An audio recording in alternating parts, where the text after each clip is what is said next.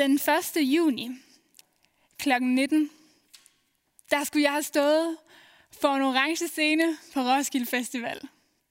Det skulle have været min allerførste Roskilde-oplevelse, og jeg skulle have stået der sammen med mine søstre. Og vi skulle have hørt den verdenskendte Taylor Swift. I know. Vi er Swifties i al hemmelighed. Det ville have været fantastisk. Og vi ville have haft det så sjovt. Og selvfølgelig ville vi have sunget med på alle sangene, for lad os være ærlige. Så godt kan vi dem. Men Taylor Swift bliver der ikke noget af for vores vedkommende. Heller ingen Roskilde Festival. Og jeg kan ikke gøre noget fra eller til. Covid-19, den kommer som en orkan og ødelægger en masse på den vej. Og jeg føler mig afmægtig. En aflyst koncertoplevelse, det er som vand i forhold til, hvad andre har fået taget fra dem under coronakrisen. Men følelsen af afmagt, det er ikke at kunne gøre noget. Den tror jeg, vi alle sammen har følt i mindre eller i større grad i den seneste tid. Afmagt, når hjemmeskole, fuldtidsarbejde og familieliv skal hænge sammen og gå uden kvaler og passe ind i døgnets 24 timer. Afmagt, når de planer, man har lagt og ser frem til, må aflyses eller udsættes. Det brøller på ferier og store festivaler.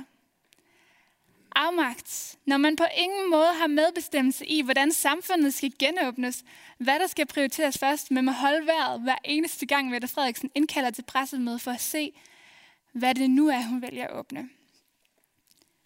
De seneste måneder, fra lockdown til genåbning af fase 2, har været en tid med afmagt. Men det gode er, at i vores afmagt, der står vi ikke alene. For Jesus, han er herre i afmagt. Og det tror jeg er noget, Gud lærer os igennem coronakrisen. Dermed siger jeg ikke, at covid-19-sygdom er fra Gud. Men jeg tror, at Gud bruger den som en mulighed for at lære os, at Jesus er Herre midt i vores armagt. Og lad os læse i Johannes evangelie 15, for at se, hvordan Jesus er herre i vores armagt. Her taler Jesus om, at han er det sande vintræ, og at vi hænger fast på ham som grenen. Så lad os læse i Johannes 15, 1-8, hvor der står, Jeg er det sande vintræ, og min fader er vingårdsmanden. Hver gren på mig, som ikke bærer frugt, den fjerner han. Og hver gren, som bærer frugt, den renser han, for at den skal bære mere frugt. I er allerede rene på grund af det ord, jeg har talt til jer. Bliv i mig, og jeg bliver i jer. Ligesom en gren ikke kan bære frugt af sig selv, men kun når den bliver i vintræet, sådan kan I det heller ikke. Hvis I ikke bliver i mig. Jeg er vintræet, I grenene. Den, der bliver i mig, og jeg i ham, han bærer meget frugt. For skilt fra mig kan I slet intet gøre. Den, der ikke bliver i mig, kastes væk, som en gren og visner. Man samler den sammen og kaster den i ilden, når de bliver brændt. Hvis I bliver i mig, og mine ord bliver i jer, så bed om, hvad I vil, og I skal få det. Derved herliggøres min fader, at I bærer mig frugt og bliver mine disciple. I beretningen her, der siger Jesus, at han er vintræet. Han siger, at faderen er vinbunden, og hans disciple er grenene. Hans disciple, hvem er det, de er? Helt specifikt, så er det både de 12, han sidder sammen med, når han fortæller den her lignelse, og så er det alle os, som søger ham og følger ham. Hans disciple, det er altså os. Og jeg synes, det der er interessant her, det er, at Jesus ikke siger, at han er vinstokken, og vi er grene, der sidder fast på vinstokken. Nej, Jesus siger, at han er hele vintræet. Det betyder, at vi som grene er en del af Jesus, og det er vi af kraft af Jesu død på korset, hvor Jesus han baner vejen for os hen til faderen. Han giver os adgang til at komme til faderen, og mulighed for at sidde fast på vinstokken som vingrene, fordi vi er en del af Jesu vintræ. Og de her grene, de kan ikke bære frugt i sig selv. De kan kun bære det frugt, som træet giver. Det vil sige, at en gren på et appelsintræ ikke kan bære citroner. Den kan kun øh, bære appelsiner. Det er altså Jesu frugter, vi bærer. For det er ham, der er træet, og det er os, der sidder som grene på det. Men hvilke frugt er det, så vi kan bære? Hvilke frugt er det, Jesus har? Og det kan vi se i de omkringliggende kapitler. Hvis vi bladrer få kapitler tilbage, kan vi læse, at Jesus tidligere i talen siger, som jeg har elsket jer, skal I elske hinanden. Kapitel 13, vers 35. Det vil sige, Jesu frugt er kærlighed. Senere læser vi, min fred giver jeg jer. Kapitel 14, vers 27. Jesu frugt er fred. Igen, senere, så står der, sådan har jeg talt til jer, øh, for min glæde kan være i jer. Kapitel 15, vers 11. Det vil sige, Jesu frugt er glæde. Så Jesus han taler altså her om tre forskellige frugter, som han giver. Kærlighed, fred og glæde. Og det er de frugter, vi som grene kan bære, når vi er i Jesus. Hvis man skærer grenene af, så kan de ikke selv producere frugt. En gren kan kun producere frugt, hvis den er forbundet med stokken. Og sådan er det også med os. Vi kan ikke selv producere Jesus' frugt, kærlighed, glæde og fred. Det har vi brug for ham til. Så det er altså i vores afmagt og Jesus' almagt, at vi kan producere frugt. Derfor siger Jesus, bliv i mig, for uden mig kan I intet gøre. Når vi bliver i Jesus, kan vi opleve fred, glæde og kærlighed fra ham. Fordi han er det sande vintræ. Men jeg tror, vi har en tendens til at se andre steder hen for frugt. Jeg tror, at vi ser hen på penge og planer for at opnå fred. Vi ser hen på rejser, fitness og vores kroppe for glæde. Vi ser hen på venskaber, film og Tinder for at få kærlighed. Og mange af de her ting, de er ikke dårlige ting, men de kan på ingen måde sammenlignes med Gud. Det er som at være en lækker, saftig, sød appelsin, som ser hen på en lille sur citron og tænker, jeg vil hellere være den her. Og det er et paradoks, som startede helt tilbage i Edens have med Eva, der spiser kundskabens træ, fordi hun troede, at hun ville, det hun ville få, det ville være bedre end det hun havde. Vi har en tendens til at se andre steder hen for at få det, som Jesus han kan give os. Når Jesus han kalder sig selv for det sande vintræ, så indikerer det, at der må være falske vintræer. Og jeg tænker, om ikke det er dem, vi kigger hen på, når vi ser andre steder hen for at få det, Jesus han vil give os.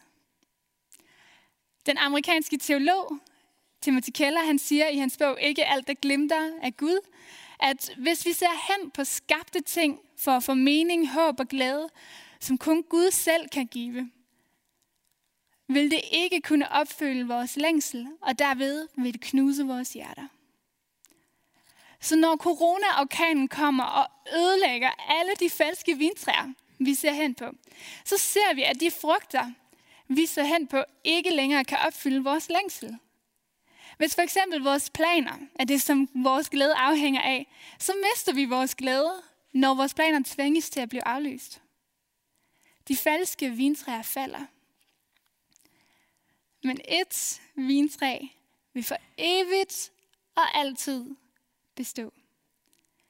Et vintræ vil for evigt og altid stå fast. Og det er det sande vintræ. Det er Jesus. Jesus er ikke en herre blandt mange herrer, vi kan se hen på. Nej, Jesus ønsker, at det er ham, ham alene, vi er hos.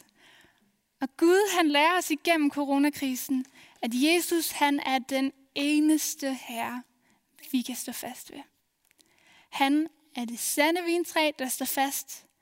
Lige meget hvad der kommer og ryster vores verdensbillede, så er det ham, der står fast. Lige meget hvor afmægtige vi føler os, kan vi blive i den almægtige Jesus' nærvær og opleve fred, kærlighed og glæde, fordi det ikke er bundet til omstændigheder, men til Jesus. Så Jesus, han er herre før coronakrisen, han er herre under coronakrisen, og han er herre efter coronakrisen. Nu går der sikkert ikke længe, inden at pandemien her den er under kontrol, og livet er tilbage til normal. Når det sker, vil der igen vokse falske vintræer op. Der vil igen være små, sure citroner, som vi ønsker at mæske os i, men som bare stjæler vores blik for Herren Jesus. Men hvor ser du så hen for at få kærlighed, fred og glæde? Når verden den er tilbage til normal, er der så noget, som du vil gøre anderledes? Eller er det tilbage i de gamle vaner, tilbage til livet som før corona? Jesus er herre under coronakrisen, og det er han også efter. Om lidt så tager vi det her spørgsmål med ud øh, til en snak i grupper. Hvis Jesus er din herre, hvad vil du så gøre anderledes? Inden vi går ud i grupper, vil jeg først bede en bøn, og så vil der være en enkelt sang, hvor jeg rigtig gerne vil invitere dig til at tænke over det her spørgsmål. Hvis Jesus er herre i dit liv, hvad vil du så gøre anderledes? Lad os bede. Kære Jesus, tak at du inviterer os ind i fællesskab med dig. Tak at du er det sande vintræ, som så fast, lige meget hvad der kommer og ryster vores verdensbillede. Hjælp os til at begribe det. Hjælp os til at forstå, hvad det vil sige. Hjælp os til at forstå, hvad det betyder at sidde fast på dig, sidde fast på din almagt, når vi selv oplever os skrøbelige, ude, uden at vi kan ikke selv have kontrol, og vi føler os afmægtige. Hjælp os til at se, hvordan du er her, Jesus. Herre i vores afmagt. Amen.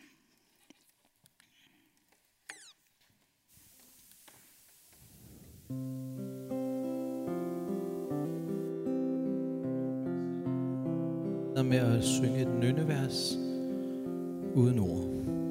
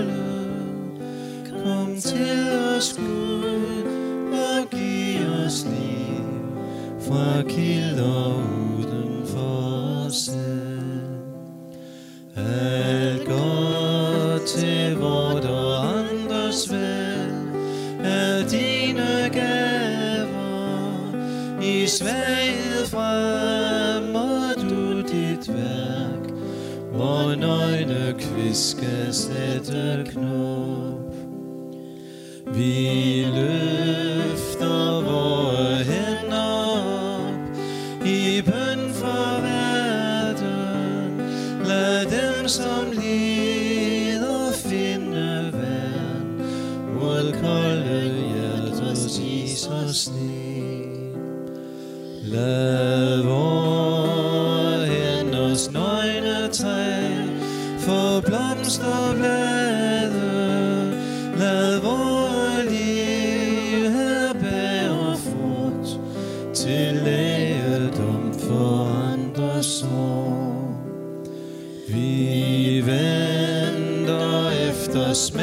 smertens vor, din nåde sommer, og så glæde bliver til vækst. Med frugt vi ikke selv kan se. Din nåde skaber værk skal ske? I tomme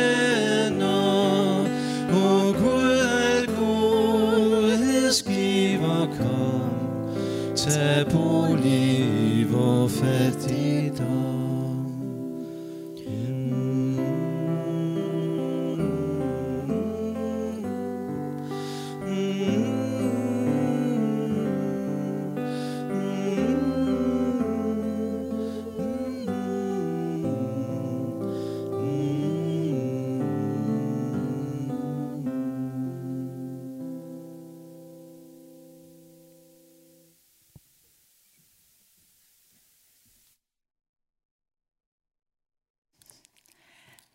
Nu skal vi til at ud i grupperne igen. Så spørgsmålet er altså, hvis Jesus er herre i dit liv, hvad vil du så, eller hvad vil du gøre anderledes? Hvis Jesus er herre i dit liv, hvad vil du gøre anderledes? Jeg håber, I får nogle rigtig gode snakke omkring det her. Så værsgo, Leon.